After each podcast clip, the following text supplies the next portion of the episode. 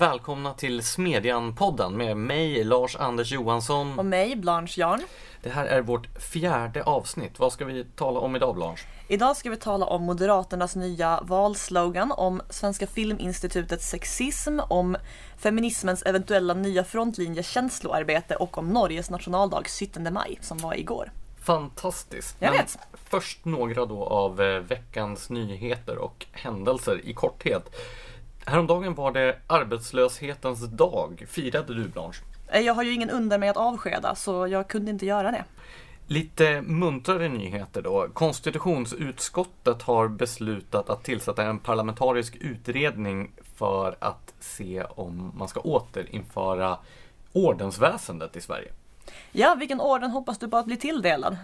Alltså det finaste är väl att få Serafimerorden, men då måste man ju först bli statschef. Det är sant, men om du bara slutar vara svensk medborgare så kan du väl få Nordstjärneorden? Ja, men poängen här, om jag har förstått konstitutionsutskottets avsikter rätt och riktigt, så är det att eh, man återigen ska kunna dela ut ordnar till svenska medborgare. Och det är väl i grund och botten någonting positivt kan jag tycka. Man skulle också göra någonting, man skulle krympa kungafamiljen också. Eller vad var det som... Ja, vi utvisar varannan. Eh, nej, men eh, kungafamiljen växer ju väldigt snabbt. Jag tror att den nu omfattar 15 personer varav 11 har arvsrätt. Och sen kommer det att föröka sig, få barn, få barn vidare. Och eh, till slut kommer det att växa så mycket att det är personer som representerar Sverige och eh, därmed får pengar eh, ur statsbudgeten eh, blir lite för många. Så man tänkte se över hur många som ska kunna representera Sverige. Vilket väl är en bra idé som, för oss som finansiärer av det hela. Fast är apanagets storlek beroende på hur många mottagare som det har? Eller är det helt enkelt så att apanaget ska fördelas på fler personer? Jag tänker att det som mottar apanaget kanske vill att det växer med, när antalet personer växer så att det inte får flytta till ett mindre slott. För ehm, det var väl eh, Karl XIV Johan som, som eh, löste ut hela den svenska skatt, statsskulden med privata pengar och det är återbetalningen för detta som apanaget utgörs egentligen. Så uti- utif- utifrån ett skattebetalarperspektiv så är det ju här egentligen bara en återbetalning av en gammal skuld. Och sen säger folk att man inte har någon nytta av kungahuset. Men ehm, ordnar och ett smalare men vassare kungahus alltså är vad konstitutionsutskottet föreslår. Vi har ju inte sagt någonting om vassare. Jag tänkte också, det har ju varit mycket nyheter om eh, systemkollapsen i det svenska järnvägsnätet under just den det. gångna veckan. Jag var själv ute och åkte tåg i måndags, tur och retur Örebro. Och som tur är så har jag ju lärt mig den hårda vägen att för att resa med statens järnvägar i Sverige så måste man ju förse sig med då utrustning för ett mindre... Man måste ju vara en prepper. Ja, i princip. Man måste ju ha med sig vatten, matsäck och Konservburkar, ficklampa, radio. Ja, satellittelefon. Det är, det är verkligen en påfallande försämring av standarden som jag har upplevt under ja, men de år som jag har åkt tåg i Sverige. Det är verkligen illa. Och då ska inte jag egentligen beklaga mig för samtidigt då som jag satt och försmäktade på det här bastuvarma tåget till Örebro så kunde jag ju då läsa nyheter från övriga Sverige med tåg som satt fast ute på stambanorna i, i timmar och där människor var tvungna att evakueras genom fönstren på tågvagnarna. Men det är ju lustigt ändå det här för att å ena sidan så tycks ju våra politiker av alla möjliga färger vara otroliga anhängare av allt vad spårbunden trafik heter. Å andra sidan så kan ingen regering oavsett färg få tågtrafiken att fungera. Det finns ett slags diskrepans där människor tydligen ska styras till spårtrafiken genom att de alternativa färdmedlen försämras. Men inte genom att spårtrafiken blir bättre. Och ändå är spårtrafiken så dålig att så fort man vill komma fram någonstans, alltså, eller har en tid att passa eller bara längtar till dit man ska, så flyger man ju. Trots att det är ett helvete på flygplatser. Jag blir alltid lite så här konspirationsteoretisk när jag står i kön till den här smått förnedrande säkerhetskontrollen.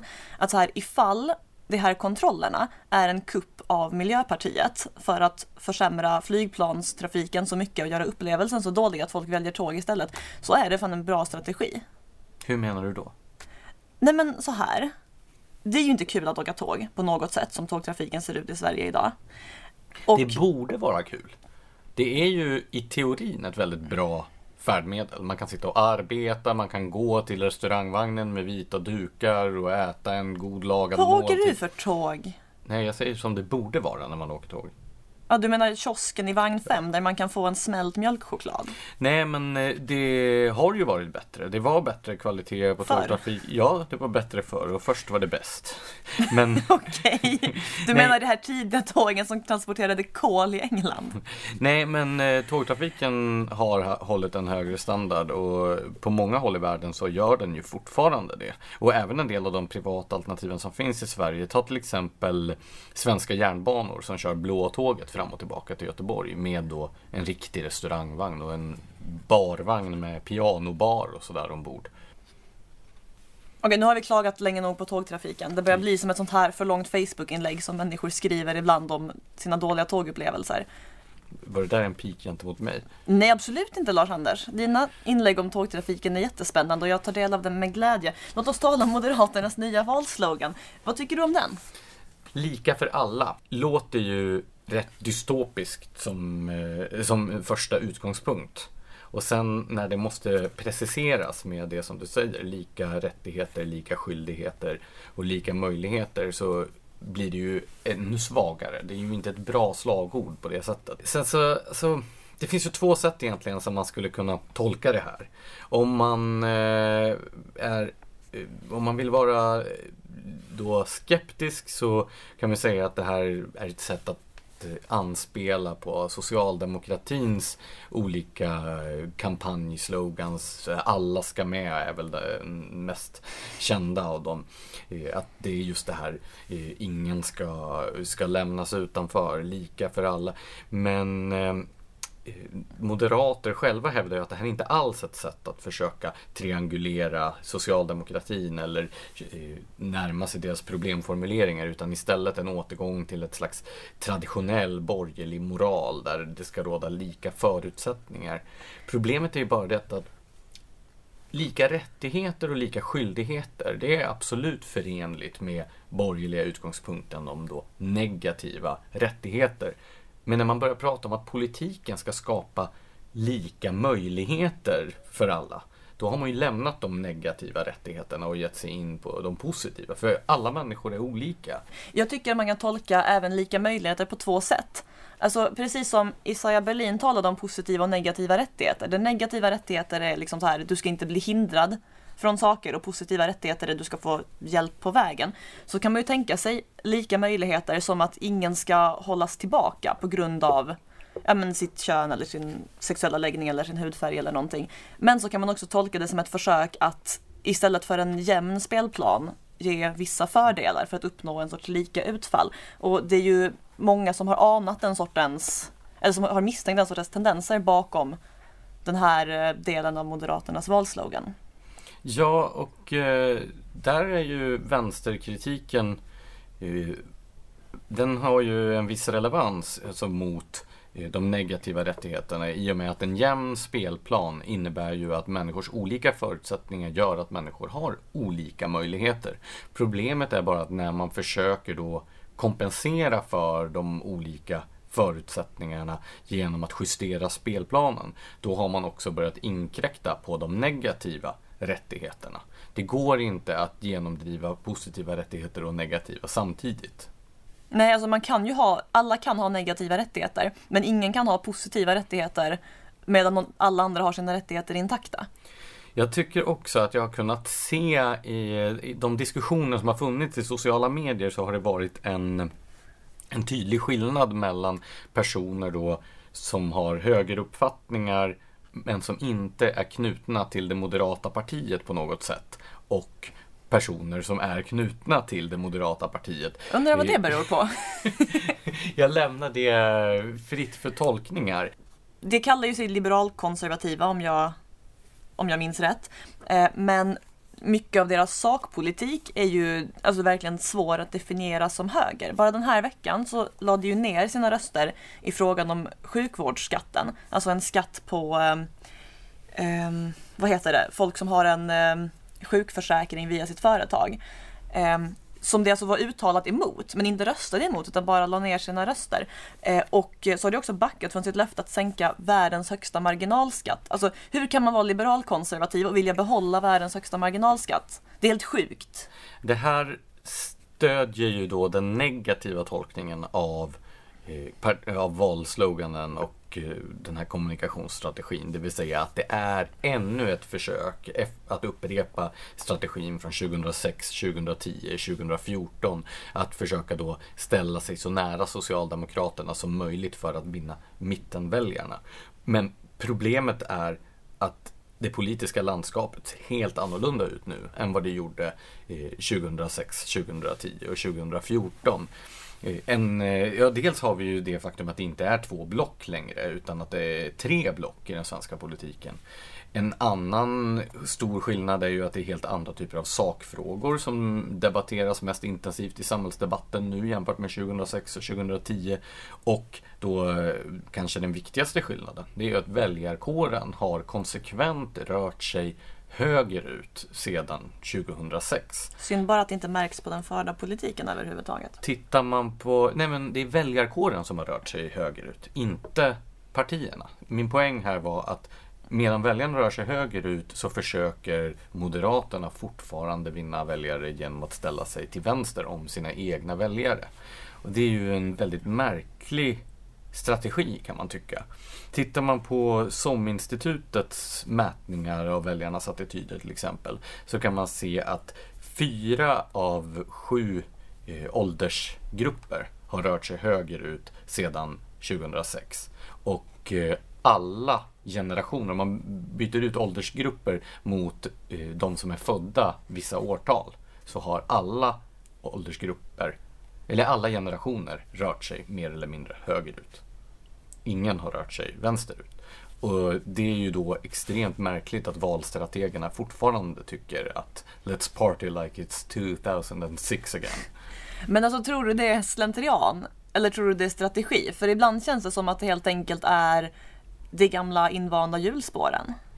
Så väldigt många av de som är aktiva i partierna idag har ju formats under en period när den här strategin var en framgångsfaktor. Och det som var en strategi hos eh, partister 2006 har väl kanske blivit till ideologi hos en del av de som kom in i partiet efteråt. Att man faktiskt tror på det som tidigare eh, mest var ett slags kommunikationsstrategi. Jo tack. Och on that happy note, går vi vidare till nästa ämne eller? Ja, Svenska Filminstitutet har du eh, både skrivit om och debatterat i radio i veckan. Vad är det som har hänt Blanche? Eh, Filminstitutets eh, ledare Anna Särner som bisarrt nog tillsattes av regeringen Reinfeldt. Vi kan komma in på varför det är bisarrt. Men hon har i alla fall från sin trevliga tur till franska rivieran eh, hört av sig hem och sagt att hon bestämt sig för att eh, eller åtminstone så kraftigt överväger att eh, sluta ge marknadsstöd till filmer som produceras av män. Och eh, det här ska alltså ske från 2020 om inte branschen har hjälpt henne att uppnå en eh, jämn könsfördelning till dess. Vilket är helt sjukt för att hon talar så som att det är filmbranschens jobb att ge henne schysst statistik istället för hennes jobb att hjälpa filmbranschen blomstra. Nu verkar hon inte vara så intresserad av det eftersom hon vill klippa bort alla män ur möjligheten att få marknadsstöd, vilket ju så här uppenbarligen inte kommer att gynna branschen. Det är ju väldigt intressant att den här typen av utspel kommer så kort in på att hela den statliga filmpolitiken lades om. Sedan det gamla filmavtalet löpte ut så har vi fått en ny lösning i eh, Miljöpartiets anda där staten har tagit då hela kontrollen över finansieringen av filmproduktionen. Och Eh, där har ju kritiken handlat om just att det kommer att leda till en politisering och ökad styrning och så vidare. Och här ser vi, här får vi ett kvitto direkt på att det, att det blir så. Hur kan den här typen av identitetspolitiska aktivistiska, aktivistiska kampanjer ske vid myndigheter med borgerlighetens goda minne? Men dels handlar det väl om att borgerligheten det sista decenniet i alla fall har haft alldeles, alldeles för lätt att köpa vänsterns världsbild. Det finns ju en ojämn könsfördelning i filmbranschen, eh, åtminstone hos de som producerar filmer. Eh, som alltså är, det innebär att det är fler män än kvinnor. Och det är ju så lätt att se det som att så här, men det här måste ju vara orättvist. Eh, och sen kan vi prata om hur vi ska åtgärda det. Vad man i själva verket måste ta strid mot är ju den här inbildningen att bara för att det finns ett ojämnt utfall så innebär det att det fanns olika förutsättningar från början. Ja, för det här är ju ett slags cirkelresonemang som alltid återkommer när man vill kvotera i olika branscher. Framförallt är det ju i medie och i kulturbranscherna där det här resonemanget förs. Det ojämna utfallet är ett problem eftersom det måste betyda att det förekommer diskriminering. Men det enda beviset för att det förekommer diskriminering är att det finns ett ojämlikt utfall. Och hela cirkelresonemanget utgår ju då från premissen att den enda förklaringsfaktor som kan finnas för ett ojämlikt utfall är diskriminering eftersom män och kvinnor då eh, förväntas vara identiska på alla sätt förutom då att eh, kvinnor diskrimineras. Dessutom blir det ju väldigt skevt att påstå att det förekommer diskriminering och sen försöka bekämpa den genom att införa en formell diskriminering fast åt andra hållet. Det är ju att bekämpa eld med bensin. Och dessutom innebär det att man nedvärderar de kvinnor som har lyckats på egna meriter i branschen. För börjar man kvotera in kvinnor, då kommer det skapa en bild av att kvinnor har det lättare och inte behöver vara lika kompetenta för att till exempel få marknadsstöd. Så, dessutom så är det ju så att mycket av skevheter och så lever ju kvar det, det sker ju en eftersläpning i olika branscher från hur normer och så såg ut i en tidigare period. Att då försöka driva på en sån förändring snabbare än vad generationsväxlingarna sker kommer ju att skapa ojämlikheter åt andra hållet. Hur man än försöker komma till rätta med det här, förutom då genom det traditionella, för att eh, anknyta till Moderaternas slogan, skap lika rättigheter, lika skyldigheter och lika möjligheter. Försöker man eh, påverka utfallet på något annat sätt än det, så kommer det att bara leda till ännu större skevheter. Jag har ju sett det här i musikbranschen till exempel. Där det för inte så många årtionden sedan var en stor överrepresentation av manliga artister i många genrer. Men där det idag är en betydligt jämnare könsfördelning mellan de som håller på och spelar. Men konsekvenserna när man tillämpar det här kvoteringstänkandet på till exempel festivaler blir ofta så att en festival måste ju ha dragplåster som drar publik och sen eh, fylla ut då med mer eller mindre okända och oetablerade artister. En bra festival brukar ju ha en blandning mellan de här olika. Och dragplåstren är mer etablerade och därför oftast sådana som har hållit på längre. Generellt sett äldre än de oetablerade. Det är inga konstigheter. Och om då dragplåstren kommer från en äldre generation så finns det ett överskott av manliga artister som är etablerade.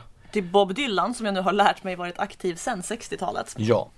Eh, och om man då har ett överskott då utifrån den här 50-50 tanken som finns av manliga artister bland de etablerade dragplåstren. Då måste man ju då kompensera det genom att ha ett överskott på kvinnliga artister bland de oetablerade. Vilket gör att det blir inget utrymme alls för oetablerade manliga artister. Så om man tänker bara i termerna att det ska vara lika många könsorgan av varje sort på eh, festivalscenen så, så blir det det här. Eftersom det finns en eftersläpning. Det där var en så vidrig formulering. Men ja, det har du, det har du helt rätt i. Um, och dessutom glömmer man två viktiga saker. Alltså till att börja med så skapas inte normer ovanifrån. Alltså det växer fram organiskt bland människor. Det kommer inte från Anna Serners skrivbord. Staten blir ju normativ. Människor anpassar ju sig. Det här kan vi ju se i kulturlivet i stort. Där människor håller på att anstränga sig jättemycket när de skriver sina bidragsansökningar och utformar kulturprojekt utifrån exakt vad den bidragsgivande myndigheten efterfrågar. Fast då förändrar man ju inte normer, då skapar man incitament. Ja, och incitament leder till normförskjutningar. Där kan vi ju se till exempel att Eh, Eh, inom till exempel scenkonsten så är det ju inte bara staten som driver på för identitetspolitikens implementering överallt utan även då branschen där eh, Teaterförbundet, alltså fackförbundet för eh, skådespelare och andra eh, tillsammans med arbetsgivarorganisationen Svensk scenkonst har utformat då så kallade mångfaldscheckar där regissörer och producenter förväntas sitta ner med sin ensemble och gå igenom ett antal olika politiserade frågor om de har tillämpat ett tillräckligt normkritiskt perspektiv i, i sin produktion. Fast vad som sker då är ju, alltså när, eh, när de här värderingarna börjar delas av branschen, det är ju snarare att när, att det som delar statens värderingar söker sig till den drabbade branschen. Det är ju inte så att folk i allmänhet ändrar sin värdering. Det är ungefär som det här med andelen män och kvinnor i film. Alltså det är inte som att den normala biobesökaren kollar upp könet på personen som har producerat filmen, för det är inte intressant överhuvudtaget. Alltså på samma sätt som man inte sitter och räknar hur många män respektive kvinnor som dyker upp på bioduken. Alltså kanske om filmen är jätte, jättetråkig och man verkligen inte har bättre för sig. Men då måste det ju verkligen vara en så usel film från början att den ändå inte borde fått något marknadsstöd. Och det verkar ju inte heller fungera särskilt bra med tanke på att den typ av filmer som då produceras utifrån de här premisserna sällan drar någon stor publik. Ja, det var väl DN som uppmärksammade 2015 den här krisen för så kallad svensk kvalitetsfilm. Eh, och då var det ju också manliga filmskapare som tog upp att det det har fått feedback i stil med att ja, det här är en bra idé som skulle kunna funka men eftersom du råkar vara man så kommer vi inte kunna ge dig något stöd. Det är ju inte en slump att eh, de största svenska exportframgångarna på kulturområdet har ägt rum då inom en genre som, där det historiskt har funnits väldigt liten politisk inblandning, nämligen populärmusiken. Om man jämför den genompolitiserade svenska filmproduktionen jämfört med då den marknadsdrivna populärmusiken så är det ju som natt och dag vad gäller kvalitet och, och internationella framgångar. Sen så eh, kommer ju då någon att invända alltid att det skulle vara den kommunala musikskolans förtjänst att vi har ett musikunder. Men jag har inte hittills sett någon kunna påvisa ett sådant samband. Jag tror snarare det är folkrörelserna och dess traditioner som har gjort att vi har haft ett sådant levande musikliv i Sverige. Det ska bli väldigt intressant att se hur eh, kommunala musikskolan påverkar detta. Sure. Uh, en sista grej jag tänker på eh, apropå att jag också var med i radio och talade om det här, det är att jag fick frågan som om det vore någon sorts självklarhet att eh, är det inte viktigt att kvinnliga perspektiv också kommer fram? Som om det liksom finns en kategori med manliga perspektiv och en kategori med kvinnliga perspektiv, ett vattentätt skott emellan. Alltså i själva verket har ju individer, ofta ganska oberoende av sitt kön, egna perspektiv. Det blir liksom inte relevant att kategorisera det på det sättet. Utan vad man gör som identitetspolitiker är att liksom förstärk, bygga upp och förstärka en sorts barriär mellan olika grupper. Man menar ju att så här, som, eh, som ung kvinna ska du inte kunna identifiera dig med manliga karaktärer i en film utan du måste ha en, just en kvinnlig förebild. Och alltså, förr eller senare så skapar man ju, om man tjatar länge nog om det, en form av norm. Man lär ju folk att du ska inte kunna identifiera dig med den här personen för att ni delar inte samma fysiska attribut, vilket är helt jävla skruvat. Det eh, kan ju mycket väl finnas specifikt kvinnliga perspektiv om vi pratar om saker som moderskap och så vidare. Men det som är intressant med det argumentet är ju då att det punkterar ju det här andra argumentet om att män och kvinnor skulle vara helt identiska och att därför är enda tänkbara förklaringen till ett ojämlikt utfall diskriminering. Fast tänker det sig inte att det kvinnliga perspektivet är ju den förtrycktas perspektiv och det manliga perspektivet då I suppose är förtryckarens perspektiv. Då kan man ju fortfarande vara identisk. Så när man väl har kvoterat fram 50-50 så kommer det inte längre att finnas några kvinnliga perspektiv och då behöver man inte längre kvotera. och då är cirkeln sluten. Ska vi gå vidare då till ett angränsande ämne som du har skrivit om, nämligen känsloarbete? Låt oss göra det. Vad är känsloarbete för någonting Blanche? Eh, det här har då beskrivits som feminismens nya frontlinje. Och det är egentligen ett gammalt begrepp som eh, myntades 1983 av en amerikansk sociolog, Arlie Hochschild. Eh, och hon talade om emotional labor som någonting man utför i branscher där man måste vara trevlig mot folk. Alltså så här ja, men så här, flygvärdinnor som måste vara trevliga mot så här, dryga idioter till kunder. Eh, och det, liksom, det tär på en emotionellt efter ett tag. Jag Ehm. tänker osökt på McDonalds kassaapparater som har den här lilla skylten där det står Le mot kunderna. Va? Är det ett eh, exempel på känsloarbete? Det där är definitivt ett exempel på vad man då menade med känsloarbete. Men 2015 så nylanserades det här begreppet eh, emotional labor eller känsloarbete som man kan säga att det är det som inte är ett jobb och inte heller är obetalt hemarbete av den typen som man tidigare talat om och kan mäta. Typ så här, vem diskar, vem städar, vem hämtar barnen på dagis. Utan abstrakta, omätbara grejer. Eh, I ett reportage på SVDs Idag-sida så beskrevs det typ som att projektleda en familj och ha koll. Eh, och det verkar handla om två olika typer av saker. Alltså dels sånt här som att veta var extra nycklarna finns och komma ihåg vem som men så här, är allergisk mot mandlar. Eh, och dels om att vara känslomässigt stöttande. Vänta Vilket, ett ögonblick, på vilket sätt är det känsloarbete att komma ihåg var extra nycklarna finns? Nej men för det, det ingår då i det här eh, eh, tärande arbetet som kvinnor anses utföra i högre grad, att ha koll på saker. Har kvinnor i högre grad koll på saker? Så jag har ju i extremt hög grad koll på saker tycker jag. Men, jo, det är i och för sig sant. Och det tär på dig. ja gud ja. Jag tror faktiskt att det tär mer på min omgivning ibland. Ja, min erfarenhet är ju i och för sig att det tär mer på mig när jag upplever att jag inte har koll på saker. Är det kanske männen som är offren här egentligen? Nej men grejen är att man kopplar det här till eh, traditionella könsroller där kvinnan eh, men så här, ska vara den som tar hand om hemmet och så vidare och så menar man att det här är en kvarleva av det. Jag har också sett argumentation på temat att det här är alltså känsloarbete och att det utförs mest av kvinnor är en, alltså lika mycket en följd av eh, patriarkala maktstrukturer som till exempel kvinnomisshandel. Alltså det liksom skulle hänga ihop och vara, Att- vara en gradskillnad snarare än en artskillnad. Att eh, komma ihåg var extra nycklarna finns ska likställas med att bli misshandlad av sin partner. Japp. Eller inte likställas, men det, det är exempel på samma typ av förtryck. Då. Sen kan man ju helt enkelt bara så här, okej nu är det svårt att glömma var extra nycklarna finns om man verkligen vet var det finns. Men poängen är så här, ingen tvingar ju någon att komma ihåg vad extra nycklarna är. Eller att komma ihåg sina barns allergi. Och ja men så här, ja man kanske i ett förhållande är lite tvungen att vara lite stöttande ibland och lyssna på den andra personens klagomål. Men inte det är rätt så här normalt mellanmänskligt umgänge. Du beskrev det här som feminismens nya frontlinje. Då antar jag att det finns förslag på lösningar då för den här ojämlikheten.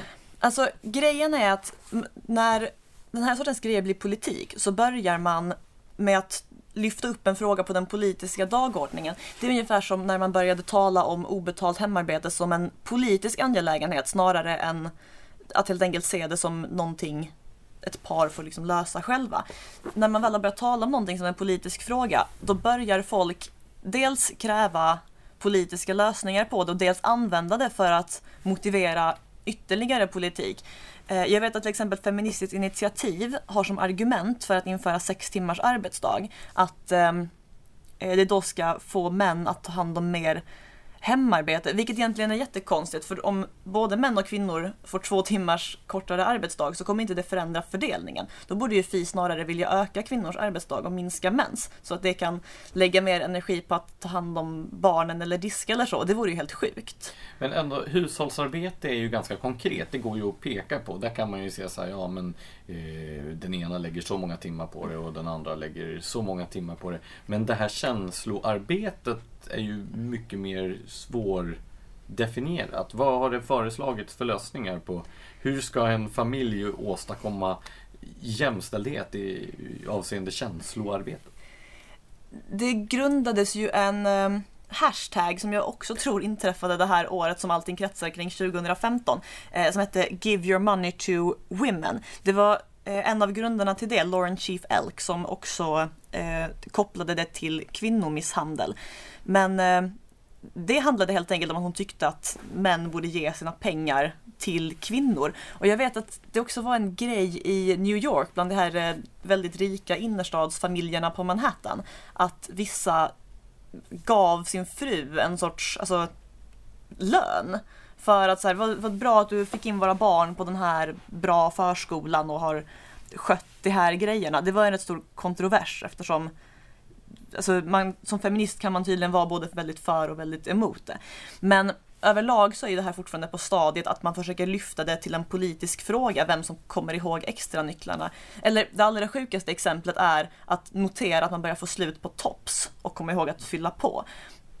Att lyfta det här till en politisk nivå, det kommer ju förmodligen leda till helt sjuka förslag. Den här SvD-artikeln jag eller nämnde tidigare hade till exempel termen emotionell, nej, känslomässig fördelningspolitik. Som att det på riktigt är någonting man kan tala om. Det låter ju helt vidrigt. Och hur skulle en sån fördelningspolitik gå till? Det nämndes inte. Men eh, jag tänker att jag vet inte så här, nu kommer jag ihåg var extra nycklarna låg så ge mig 10 spänn eller så här. Behöver du få lite sympati för att din chef är dryg? Det här var inte en pik mot dig, men i alla fall, då blir det 50 spänn. Jag vet inte. Dryg? Moi? jag sa ju att det inte var en pik mot dig. Jag var inte ens ironisk när jag sa det. Jag tänker på den där Give your money to women. Det är ju annars det som eh, många av de här arga feministerna brukar vända sig emot. Det är ju nämligen så att eh, det faktum att eh, kvinnor i högre grad går ner i arbetstid eller till exempel tar ut mer föräldraledighet eller söker sig till arbeten i offentlig sektor som har eh, lägre lönenivåer än eh, många branscher, eh, privata branscher. Det gör ju att i oerhört många familjer så sker en Eh, Eh, en, en ekonomisk överföring från mannen till kvinnan eftersom det då är mannen som tjänar mer över en livstid. Jag läste någonstans att den genomsnittliga transfereringen från män till kvinnor handlar om drygt en miljon per eh, individ då i Sverige på det sättet. För det är ju inte så att i en familj så eh, delar man ju ofta på utgifter och bostad och allting sånt där. Och då är det ju rimligtvis den som tjänar minst som då drar fördelen av detta. Ja, och på det sättet borde ju även föräldraförsäkringen tekniskt sett vara en form av transferering eftersom det går på alla skattepengar. Men det betalas ju i högre grad ut till kvinnor, vilket feminister däremot tycker är ett stort problem det också. Och vad i består det problemet? Nej men alltså det problemet är då tänkt att bestå i att det missgynnar kvinnor på arbetsmarknaden att vara hemma med barnen. Och så här, ja, det är ju klart att man förlorar lite om man stannar hemma i ja men säg ett år. Eh, men det där är väl ändå ett beslut som vi kvinnor måste anses kompetenta nog att fatta. Alltså, här, vi begriper väl vad det innebär att vara borta från jobbet i ett år. Vi är ju inte dumma i huvudet. Men om jag förstod poängen med den här eh, hashtaggen rätt så ska alltså kvinnor kräva betalt av sina manliga partners för då olika typer av känslomässiga arbetsinsatser som de gör i vardagslivet. Ja, eller så ska man bara lite i allmänhet ge sina pengar till kvinnor för att kvinnor överlag har mindre pengar. Det var en rätt oklar hashtag. Ska vi ta och gå vidare till vårt sista ämne för dagen, Lars-Anders? Det låter som en utmärkt idé. Låt oss prata om Norges grundlagsdag 17 maj som inträffade igår. Vad tänker du om den? Så jag tycker att det är fantastiskt hur norrmännen firar sitt land och sin självständighet och eh, sitt oberoende på ett sätt som är raka motsatsen till hur de här trötta svenska nationaldagsfirandena i kommunal regi ter sig. Det finns en spontan glädje och en sammanhållning utan någon form av sådana chauvinistiska inslag eller obehaglig nationalism som helt lyser med sin frånvaro i Sverige. I Sverige så blir det ju paradoxalt nog så att hela nationaldagsfirandet känns ändå som att man på något sätt ber om ursäkt för att man firar nationen. Medan i Norge finns inte några sådana hämningar. Och det har ju naturligtvis historiska orsaker. Norge har ju under många hundra år varit under dansk eller svensk överhöghet. Nazistisk sen, överhöghet? Ja, precis. Jag skulle just komma till det. Och sen har man ju i färskt minne eh, ockupationen under andra världskriget. Så kanske förmår man att värdera just sin frihet och sitt oberoende och sin självständighet på ett sätt som Sverige då, som har kunnat ta sin självständighet för given i, ja, i tusen år, inte riktigt känner det att, de, att vi kan relatera till. Ja, vi har ju den här paradoxala grejen att vi samtidigt alltid ber om ursäkt för oss själva lite, som nationaldagsfirandet som du nämner. Eh, och samtidigt så anser vi ju att vi egentligen är bättre än alla andra länder. För att vi sköter saker lite bättre och tar lite mer av medborgarnas pengar och lägger på lite fler saker medborgarna inte vill ha. Ja, Sverige är ju ett så extremt land alltid. Vad vi än ägnar oss åt så blir vi ju alltid mest och värst. Det är ju häpnadsväckande om man tänker då på eh, att det här glest befolkade landet i Europas utkant lyckades bli en militär stormakt under 1600-talet och då en realpolitisk spelare av stora mått. Det är ju ganska anmärkningsvärt till exempel. Och sen har ju den här självbilden från då stormaktstiden eh, kanske levt kvar lite grann. Vi eh, svenskar är ju av hävd ganska ointresserade av omvärlden annat än i bemärkelsen hur vi ska kunna få andra att anpassa sig efter våra normer och värderingar. Och sen då under eh, 1800-talet och industrialiseringen. Vi industrialiserades ju ganska sent i jämförelse med de stora kulturländerna. Men när vi väl gjorde det så gick det oerhört snabbt och vi blev också ett av de främsta länderna på det området med en enorm ekonomisk tillväxt från slutet på 1800-talet och fram till då andra världskriget egentligen. Vilket ju också sen avspeglades i självbilden när Sverige skulle bli världens modernaste land. Sen då under de så kallade rekordåren, när vi hade vant oss vid att ha den här enorma tillväxten, då skulle vi ju istället bli eh, då Sverige, eller världens eh, främsta socialstat och så skedde alla de här Eh, Eh, fördelningspolitiska besluten under 70-talet som kanske inte var så hemskt lyckade. Och nu då är vi inne i nästa fas då när vi ska bli en humanitär stormakt och ett föredöme, eh, ett slags moraliskt föredöme för hela världen. Oavsett om vi pratar om biståndspolitik eller om vi pratar om migrationspolitik eller vad det nu är. Så när Stefan Löfven är ute och försvarar Sverigebilden så är han egentligen liksom till hälften tillbaka i stormaktssidan? Ja, eller snarare det finns det som är den röda tråden här är väl den megalomana självuppfattningen. Sen är det ju en, den här Sverigebilden har ju sett oerhört olika ut under olika epoker. Jag menar nu så eh, vill Socialdemokraterna att man ska förbjuda konfessionella friskolor. De hade en kampanj här om veckan med det bizarra budskapet eh, i, i skolan ska barn lära sig tänka och inte tro. Som om det fanns ett slags motsatsförhållande där. Och då tänker man att det här är ändå landet som under 1600-talet i princip var ett slags teokrati. Vi var ju det enda landet efter det antika Israel som tillämpade mosaisk rätt till exempel. Så vi har ju varit, gått från ett extremt religiöst land till ett, åtminstone på pappret, extremt sekulariserat land.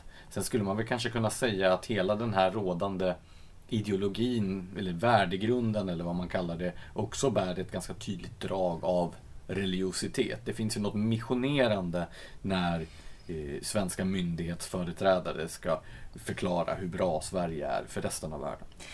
Ja, och grejen är att skolorna, om vi återkopplar just till konfessionella friskolorna, det går ju redan i rätt hög grad ut på att få oss att tro på olika saker. Alltså jag vet inte hur många sådana här alkohol, narkotika, tobakdagar jag var tvungen att gå igenom. Där den första liksom fick en att oroa sig lite över konsumtion av alkohol, narkotika och tobak och den femtonde fick en att vilja gå hem och göra mäsk. För att det skulle då övertyga en om att det här är liksom så här dödsfarligt. Så här, dricker du så är du typ körd. Um, men men jag hoppas att... att du har noterat att vi har gjort den typiskt svenska grejen här. Att vi skulle prata om Norge, men vi sitter och pratar om Sverige istället. Ska vi sluta med det? Nej men ja. så här, vad, vad kan vårt eh, kära megalomana hemland, eh, eller ditt kära megalomana hemland och min kära megalomana ockupationsmakt eh, lära sig av vårt grannland i väster?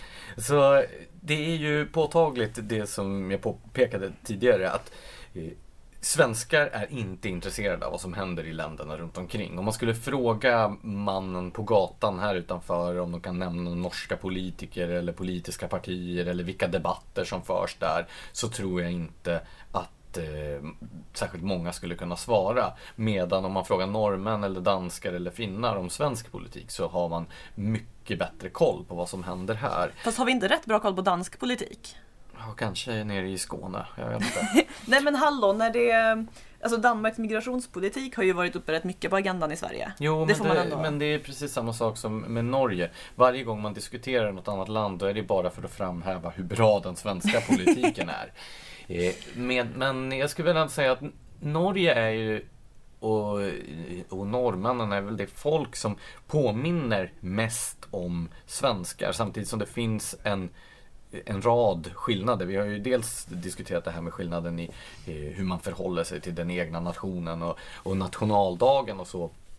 Men jag skulle också säga att det finns en mycket frimodigare offentlig debatt i Norge än i Sverige. Där man diskuterar eh, känsliga politiska frågor, där det finns ett större svängrum i till exempel kulturdebatten och så, än vad det är eh, än vad det är här i Sverige. Den åsiktskorridoren, om man ska använda det begreppet, verkar vara bredare just i Norge.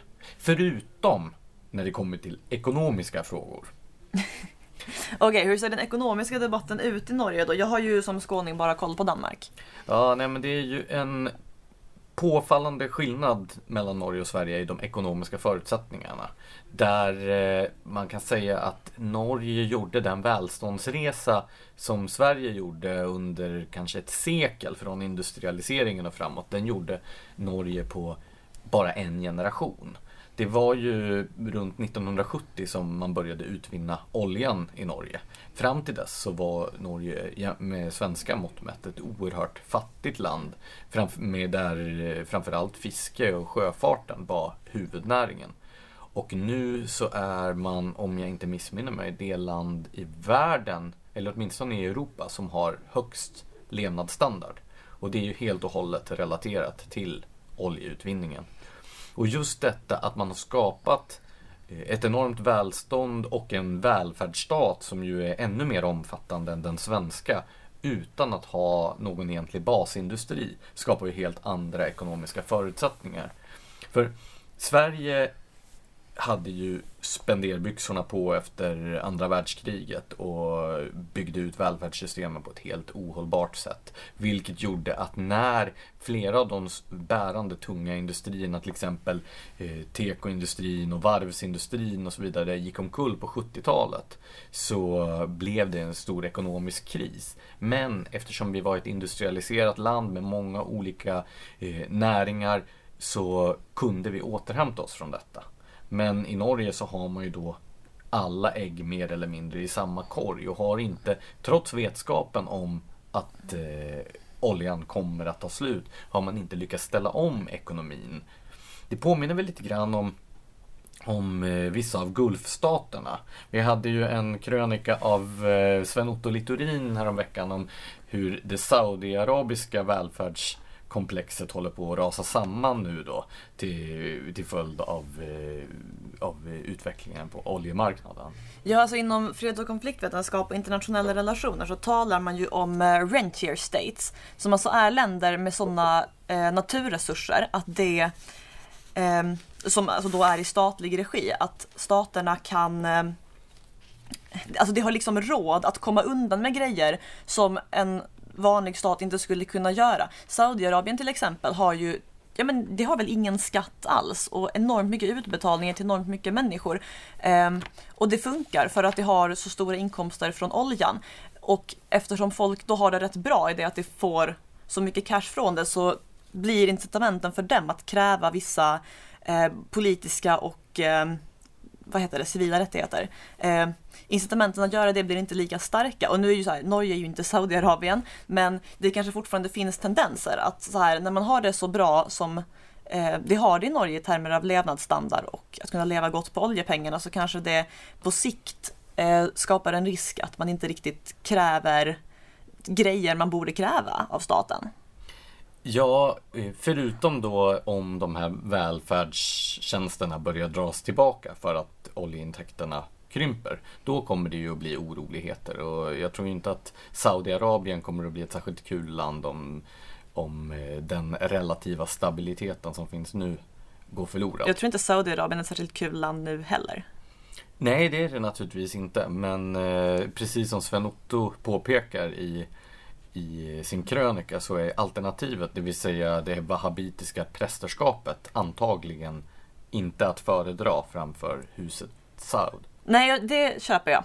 Men det som skiljer hur Norge har hanterat eh, oljeinkomsterna jämfört med många andra oljeproducerande länder är ju det faktum att man faktiskt inte har spenderat dem utan att man istället har fonderat dem. Och det var ju klok politik från de norska socialdemokraterna där man helt enkelt bestämde att eh, eh, oljeintäkterna inte skulle gå till de löpande utgifterna. Men då har man istället hamnat i den här märkliga situationen att, eh, att man har för mycket pengar. Att man har i princip obegränsat med pengar. Och eh, vi hade ju ett reportage för en tid sedan, ett ekonomiskt absurdistan av den norske journalisten Jon Hustad som beskriver detta. Och han skriver ju att den norska staten sitter då på 10 400 miljarder kronor i tillgångar. Och eh, den här förmögenheten bara växer och växer. Det låter jättejobbigt. Staten, jo men det, det, får konsekvenser som faktiskt är jättejobbiga eftersom de måste investera. Halva Oslobörsen ägs av norska staten via eh, oljefonden. Det där är ju obehagligt. Någonstans. Men det, det sätter också de vanliga politiska mekanismerna ur spel. Eftersom de här skillnaderna mellan höger och vänster som brukar avgöras av hur man ser på den offentliga sektorns storlek, skattetryck, eh, offentliga utgifter och så vidare är inte eh, relevanta på samma sätt som i en vanlig ekonomi. Det som då är intressant det är ju den utveckling som vi har sett de senaste tio åren. Då, och det är under de tio åren som då oljefondens storlek eh, framförallt har växt. Det som hände, det var ju att när eh, finanskrisen drabbade världens börser 2008 så tappade, eh, försvann hälften av börsvärdet.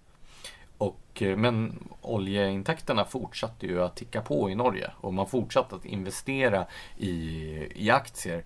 Och när sen börserna återhämtade sig så tredubblades oljefonden i storlek. Så att den då har Eh, på tio år ökade den med 6 000 miljarder kronor i omfattning. Så det är, sen 2007 så har, eh, så har den här då tredubblats. Men vad är då problemen med det här? Problemen är den att de tidigare eh, norska regeringarna hade satt ett tak på hur mycket av avkastningen från den här oljefonden som fick användas till statsbudgeten. Och det var ett väldigt lågt tak på bara någon procent. Så det hade inte någon reell påverkan egentligen på statens löpande utgifter. Men när oljefonden då de senaste tio åren har växt så här mycket så har den här låga procentsatsen i absoluta tal blivit oerhört mycket mer. Och Det betyder då att eh, 2007 var det reella underskottet i den norska statsbudgeten före pengarna från oljan och gasen 1 miljard 342 miljoner kronor. Och de samlade statsutgifterna 715 miljarder kronor. Medan då 2017 så är eh, de samlade statsutgifterna eh, 1,3 eh, nej vad säger jag?